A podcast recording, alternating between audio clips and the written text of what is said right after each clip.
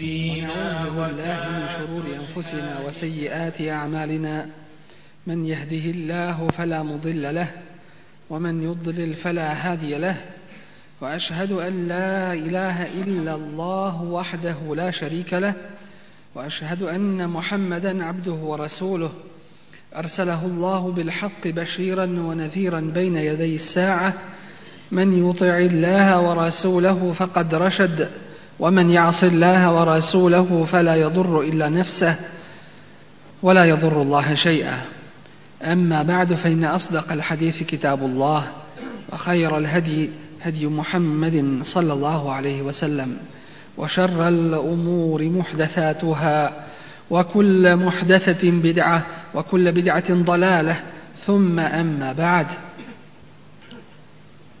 Poštovani džemaate, U današnjem vremenu čovjek se zapita o čemu da govori. Ne zbog toga što je sve rečeno, već zbog toga što ne zna o čemu prije da govori.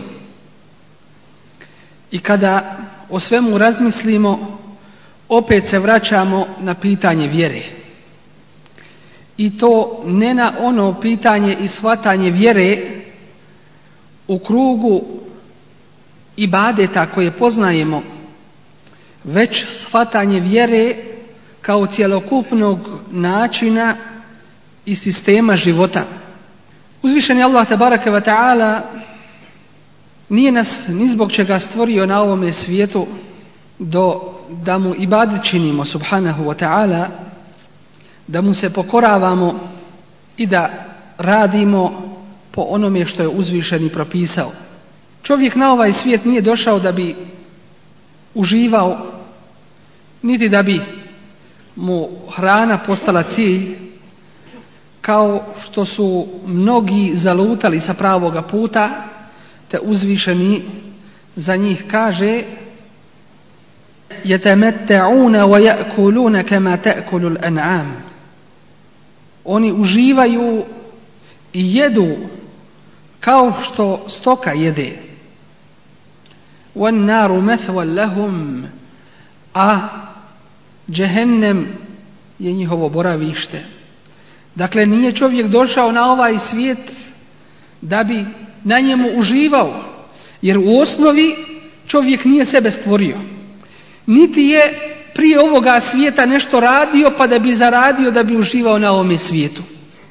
Već je ovaj svijet, svijet rada, svijet truda i žrtvovanja, svijet iskušenja, svijet ispita kroz koje čovjek prolazi. Na putu do velikog ispita kada stane pred uzvišenog gospodara Allaha tabaraka wa ta'ala i bude polagao račun za sve što je radio. I kada kaže začuđen mali hadel kitabi la yugadiru sagiratan wala kabiratan illa ahsaha. Šta je ovoj knjizi? Pa ništa nije propustila, ni malo, ni veliko, a da nije zabilježila. Wa wajadu ma amilu hadira. I nalaze i nađu ono što su radili zapisanim. Ništa drugo. Niko im nije natovario na njih ono što nisu uradili niti ih je neko optužio za nešto od čega su oni čisti. Dakle, mu'min zna svoj cilj i zna svoj put na ovome svijetu. Koliko god čovjek živi, svjestan je da mora umrijeti i da će smrt doći. Kada bi živio hiljadu godina, orlova vijeka opet će morati umrijeti ali je pitanje šta kasnije, šta poslije te smrti. Za kafire i kod kafira oni shvataju i vjeruju da je to kraj i da više ničega nema. Da je to raspadanje ovoga tijela i da više nikada taj čovjek neće živjeti.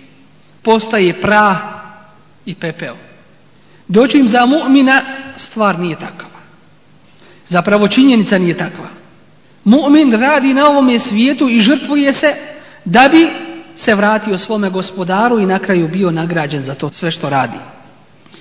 Uzvišen je Allah tabaraka wa ta'ala vidjeli smo da nas je obavijestio o cilju stvaranja na ovome svijetu. Zašto smo došli na ovaj svijet?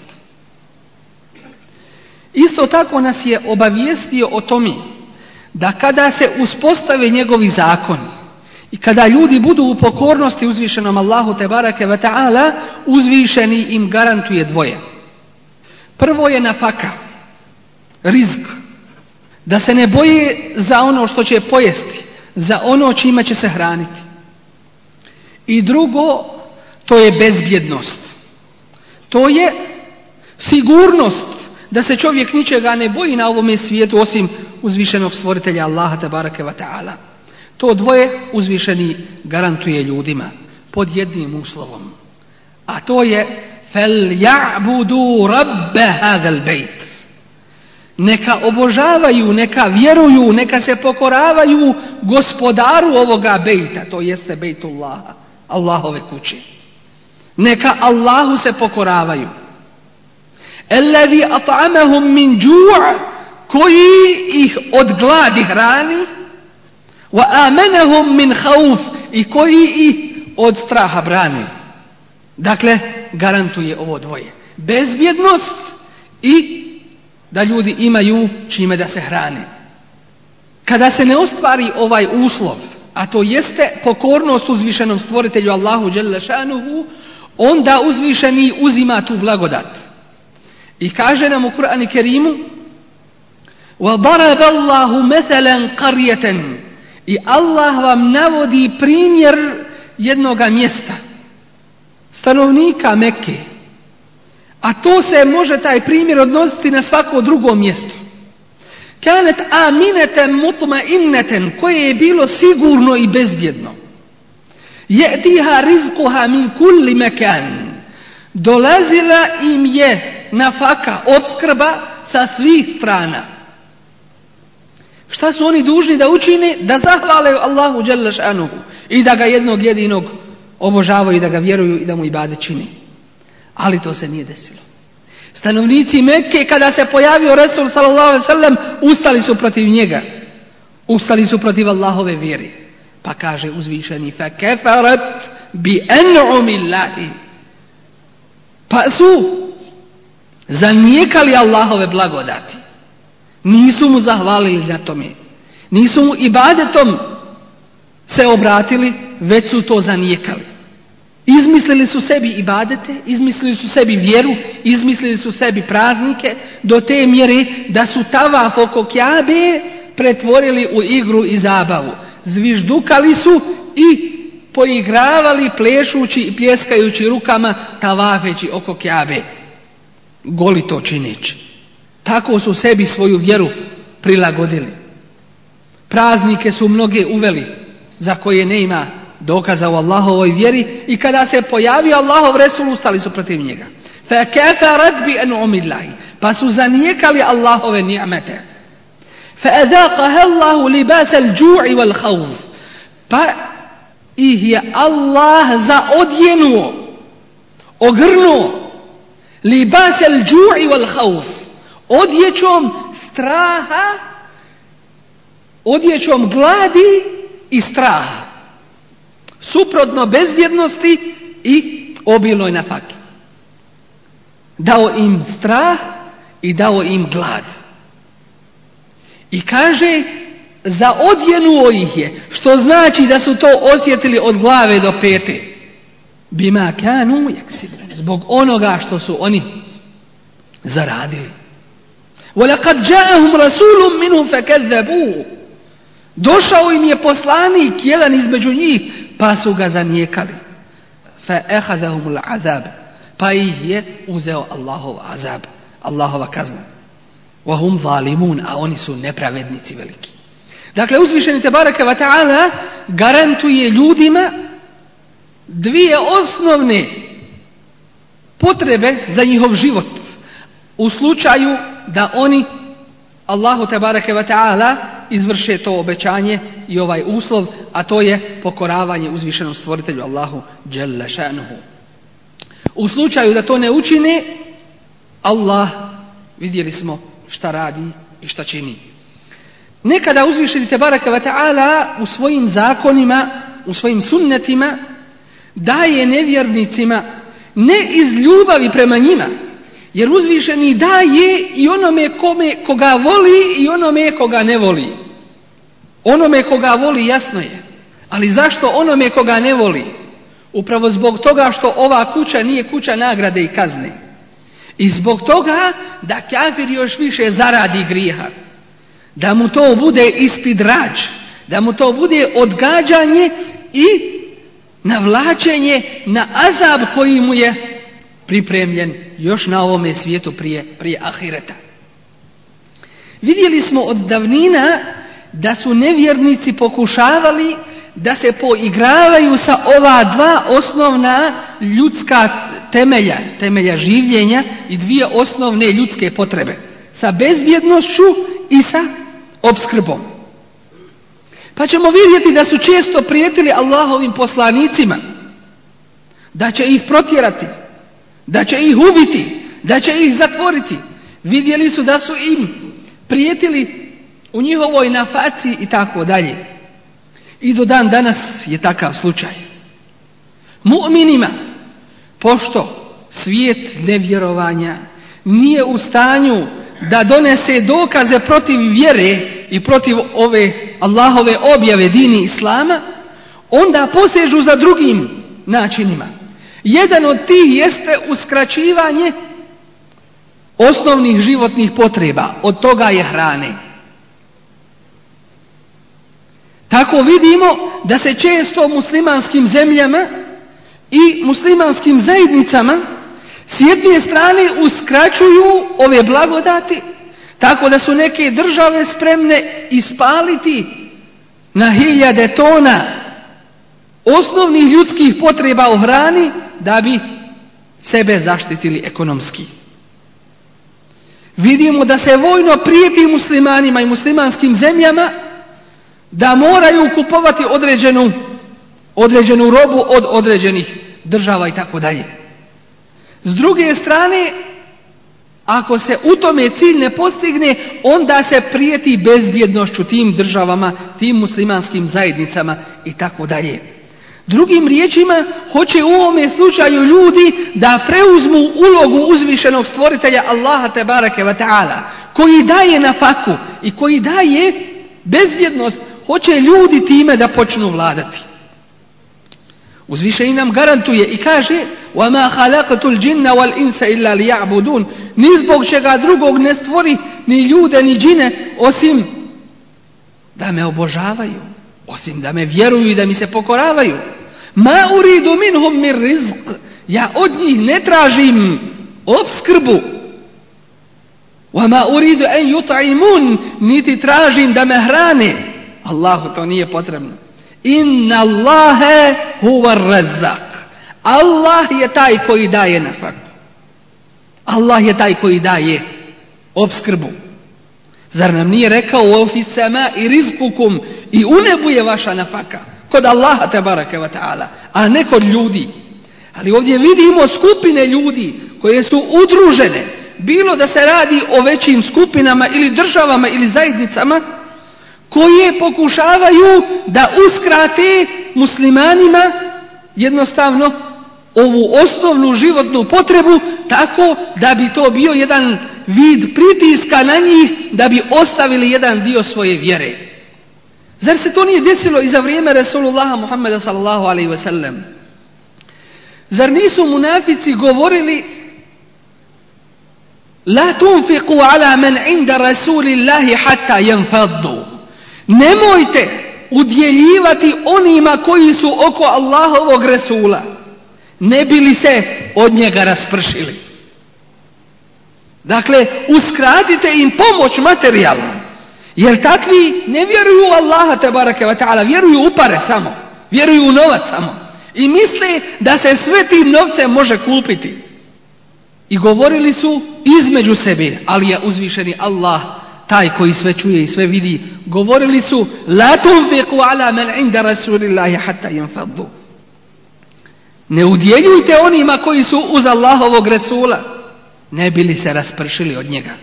Zar se to isto danas ne radi i ne primjenjuje nad muslimanima? Bilo pojedincima u Lemi koja kaže riječi istine pa im se ne dozvoljava pristup obrazovnim institucijama, pa im se ne dozvoljava pristup džamijama i uzima se monopol nad mimberama, čursevima i džamijama uopšteno. Zar se to ne radi nad džematima? Zar se to ne radi nad cjelokupnim zajednicama muslimana koji su rekli Rabbun Allah, naš gospodar je Allah i njemu se pokoravamo. Tačno je, to se danas radi.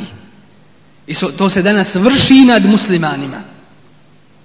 Ali, mu'min neće tu pokleknuti.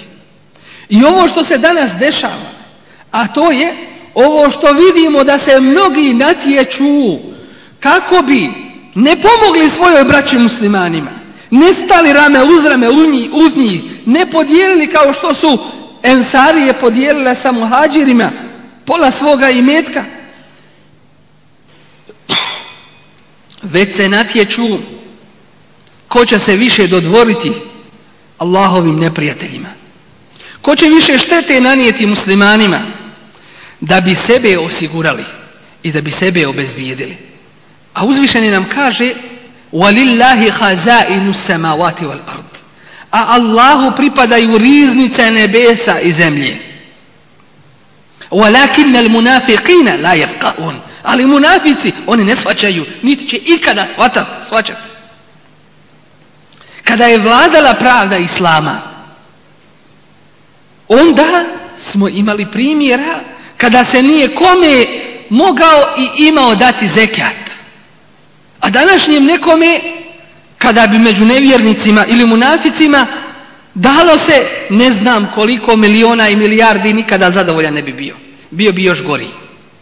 Dakle, ne shvataju da Allahu pripadaju riznice nebesa i zemlje i da oni time upravljati ne mogu. Pitanje bezbjednosti isto tako. Zar nisu zastrašivali Allahovog Resula Muhammeda sallallahu alaihi wasallam Zar nisu se sakupili u vječnici svojoj i govorili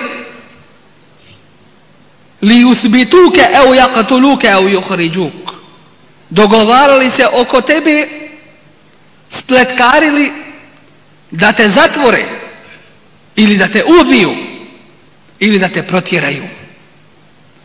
Zar nisu pokušavali da atentate izvrši, Udarali na njegovu bezbjednost Zar nisu prije toga isto na druge Allahove poslanike, Isa selam, pokušali ga razapet, pa su razapeli, ali ne njega, nego nekoga drugoga koji im se učinio, a njega je uzvišeni uzdigao sebi. Zar nisu isto tako pokušali sa drugim Allahovim poslanicima? Zar nisu prijetili Ibrahimu selam, kad nam kaže uzvišeni وَحَاجَّهُ قَوْمُهُ قَالَ أَتُحَاجُونِ فِي اللَّهِ وَقَدْ هَدَانِ I raspravljao je sa njim njegov narod. Pa im on reče, zar sa mnom raspravljate o Allahu, a on je mene uputio? Wala akhafu ma تُشْرِكُونَ bihi, illa in yasha Allahu rabbi shay'a Ja se ništa ne bojim onoga čime vi širka Allahu činite. Jer su mu prijetili, nešto ćete zadesiti od ovih božanstava koje ti huliš i o kojima ružno govoriš. Pa on kaže, la ehafu matušriku nebi. Ja se toga nimalo ne bojim. Stao pred cijelo čovječanstvo. To je akida, to je ubjeđenje jednoga mu'mina. Da ti ne može tvoje vjerovanje a nakon toga i rad po tome vjerovanju, ništa uzdrmati na ovome svijetu. Nikakva sredstva informisanja, nikakva zastrašivanja, nikakve laži, jer ti gledaš Allahovim svjetlom, jer ti gledaš kroz Allahovu objavu ljude, a ne gledaš Allahovu objavu prema ljudima. I zato vidimo da je Ibrahim a.s. im jasno odgovara. وَكَيْفَ يَحَافُ مَا تُشْرِكُونَ بِهِ a kako da se ja bojim onoga čime vi Allahu širk činite? وَلَا تَحَافُونَ annakum ashraktum A vi se ne bojite toga što ste vi Allahu širk učinili. Malem yunazil bihi sultana. U onome što Allah nije objavio. فَأَيُّ Pa ko je od nas? On jedan s jedne strane i čitav dunjalog s druge strane. Ko je od nas preći da bude bezbjedan? Jer Ibrahim Halilullah zna da je u Allahovoj zaštiti i u Allahovoj bezbjednosti. Jer zna da ovaj svijet je prolazan. Jer zna da prava bezbjednost dolazi tek na ahiretu. A da u ovome svijetu postoje zastrašivanja. Isto tako, vidjet ćemo kod prvog Allahovog poslanika, Nuha alaihissalam, Prvi poslanik, a prvi vjerovjesnik je Adem a.s. Prvi poslanik Nuh a.s.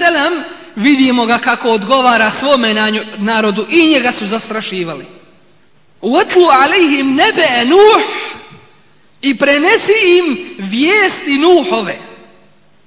Iz kale li kaumihi ja kaum kad reče narodu svome o narode moj, poslušajte me. In kane kebura alejkum maqami wa talkiri bi Allah. Ako je to vama teško što ja vas upozoravam, što vas pozivam Allahovoj vjeri. Fa ala Allahi tawakkalt. Na Allaha se ja oslonim. Ni na koga drugoga. Fa ejmi'u. Pa se svi skupite. Emrekum wa šurakakum. Sve što imate, dogovorite se i sve uzmite za pomoć sebi. Thumma la yakun amrukum alaykum ghummatan thumma qdu ilayya wa la tunzirun. I onda svi navalite na mene i nemojte mi dati nikakve prilike. Fa in tawallaytum fama sa'altukum min ajr ako se vi okrenete, ja od vas nikakvu naknadu nisam tražio. In je illa ala Allah. Moja nagrada je samo kod Allaha. Wa umirtu an akuna min al muslimin, a naređeno mi je da budem od muslimana. Šta kaže uzvišeni?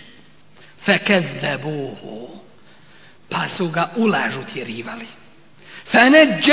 hu pa smo ga mi spasili. men ma'ahu fil fulk i sve one mu'mine svakako s njime ulađi. وَجَعَلْنَهُمْ خَلَائِفَ I učinili smo ih halifama, učinili smo ih da budu pravi vladari, drugi su uništeni bili svi. Dali smo im da budu prvaci, da naslijede zemlju, jer su kafiri uništeni bili. الَّذِينَ كَذَّبُوا A potopili smo one koji su nijekali naše ajete. Dakle, vidimo da se ova borba između istine i neistine vodila od početka čovječanstva. I ona traje do sudnjega dana. I nevjernici pokušavaju da iskoriste sve metode u borbi protiv ove vjere. Protiv ove vjere koja je poslata sa jasnim dokazima ali oni se dokazima, oni sa dokazima ne dolazi. Oni ne dolazi sa silom dokaza, već sa dokazom sile. I silom žele da unište istinu pod ovim ili onim, pod ovom ili onom parolom.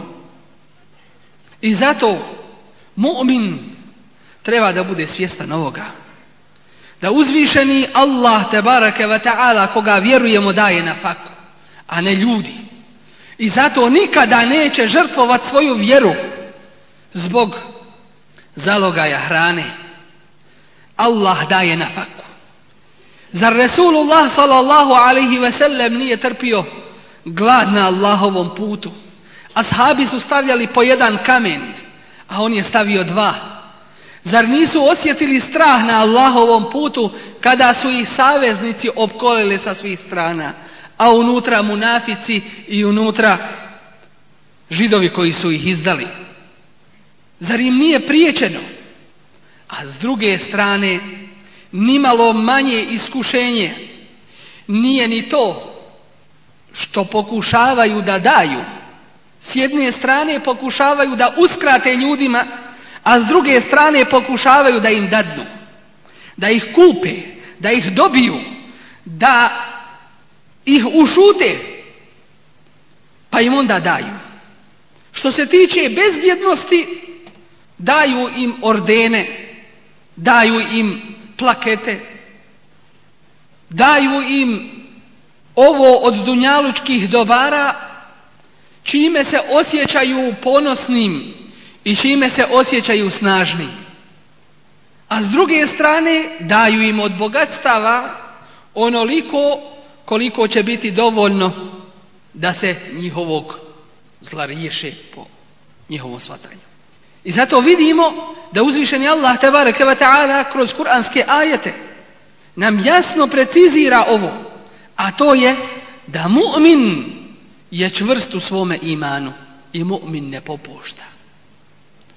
Munafici kada su bili u Medini i kada su se vraćali iz bitke na Tebuku ili iz neke druge bitke kako sire spominju, rekli su la irrađa'na ila al-medinati la yukhrijanna al-a'azzu minha al Ako se vratimo u Medinu, snažni i ponosni istjeraće one slabiće i one koji snage nemaju misleći Abdullah ibn Ubej ibn Selul, vođa munafika, misleći time na ashabe Resula sallallahu sallam na čelu sa Allahovim vjerovjesnikom.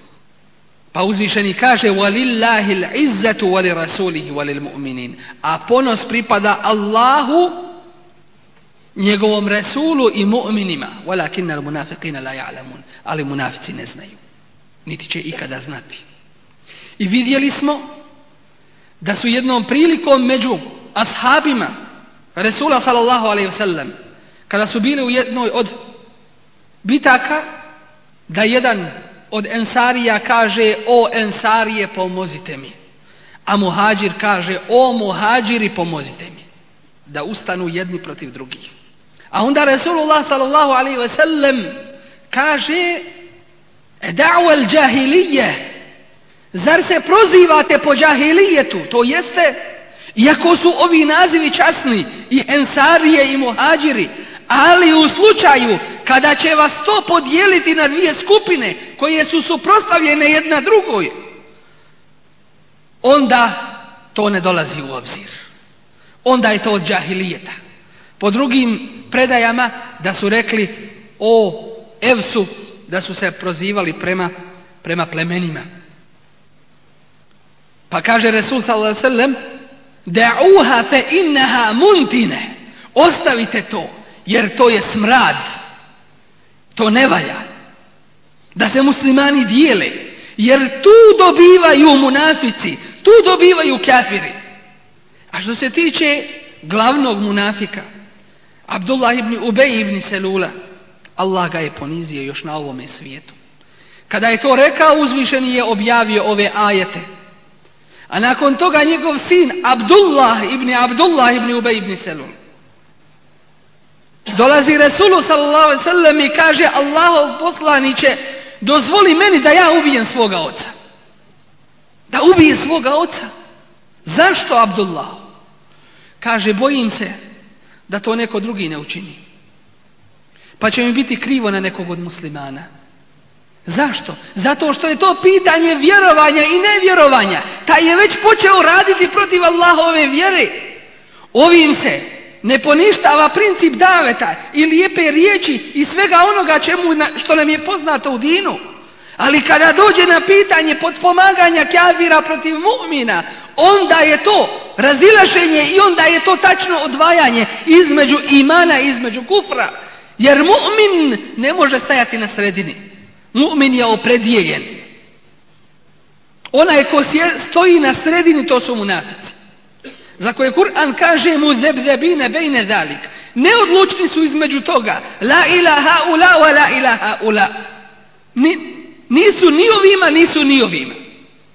Nisu uz mu'mine, boje se kafira, a nisu prišli ni kafirima u potpunosti. Ne znaju gdje su, neopredjeljeni Gledaju kakva će biti situacija, pa će i oni možda pred kraj života prihvatiti nešto.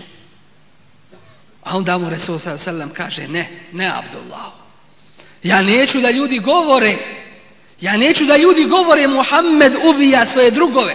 Jer propaganda se širi. Ne znaju ljudi ko je on, oni od ashaba. Neće sva gledati takvim očima vahja da kaže to je Allahov Resul i imao je i pravo jer taj je samo prividno primio islav a on je nevjernik. To može Resul s.a.v. po od Allaha şan. Kaže ne Abdullah. Onda Abdullah izađe iz Medine. Izađe iz Medine da dočeka tu vojsku u kojoj je bio i njegov otac Abdullah ibn Ubay ibn Selul. Isuka svoju sablju i stade pred muslimane. I puštao je jednog po jednog da ulazi u Medinu. Dok nije došao njegov otac.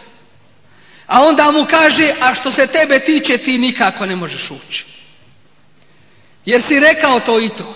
Jer si rekao da će snažniji istjerati slabije. Resulullah sallallahu alaihi ve sellem je snažan, a vi ste slabi, pa Allahov poslanik će vas istirati. I tako mi Allaha neću ti dozvoliti da uđeš, neću ti dozvoliti da uđeš u Medinu osim sa dozvolom Allahovog Resula sallallahu alaihi ve sellem.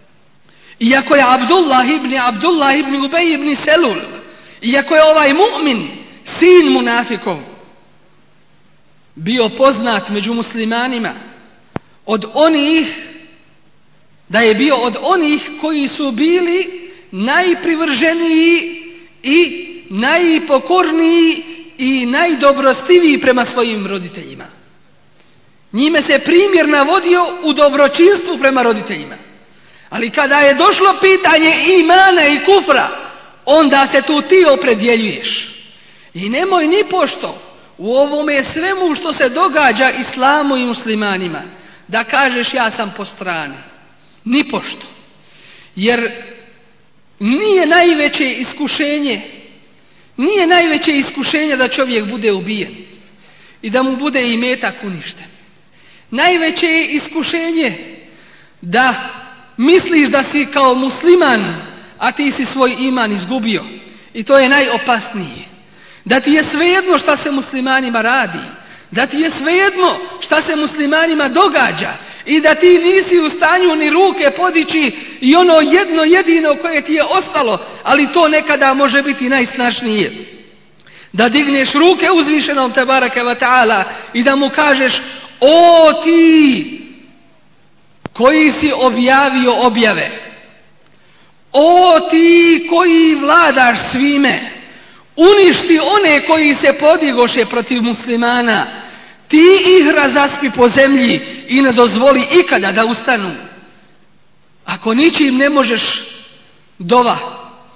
Jer kada su svi uzroci iscrpljeni, ostaje samo jedan koji nikada se ne prekida a to je veza sa uzvišenim Tebareke ve ta'ala. I zato nemoj da poklekniš. Ti si sa svojim imanom, sa svojim vjerovanjem makar jedan jedini bio na Dunjaluku. Ti si taj koji si pobjednik. Makar kafiri radili ono što rade. Ali zasigurno njih čeka. Ako ne, bliža onda sigurno ona druga kazna koja im se spominje na ahiretu. Molimo uzvišenog Tebareka ve da nas učini od čvrstih mu'mina sa kojima je on zadovoljan, sa oni, od onih koji su opredijeljeni za njegovu vjeru, od onih koji su čvrsti na pravome putu i nepokolebljivi na njemu. بارك الله لي ولكم في القرآن العظيم ونفعني وإياكم من الآيات وذكر الحكيم أقول قولي هذا وأستغفر الله لي ولكم ولسائر المسلمين من كل ذنب فاستغفروه إنه هو الغفور الرحيم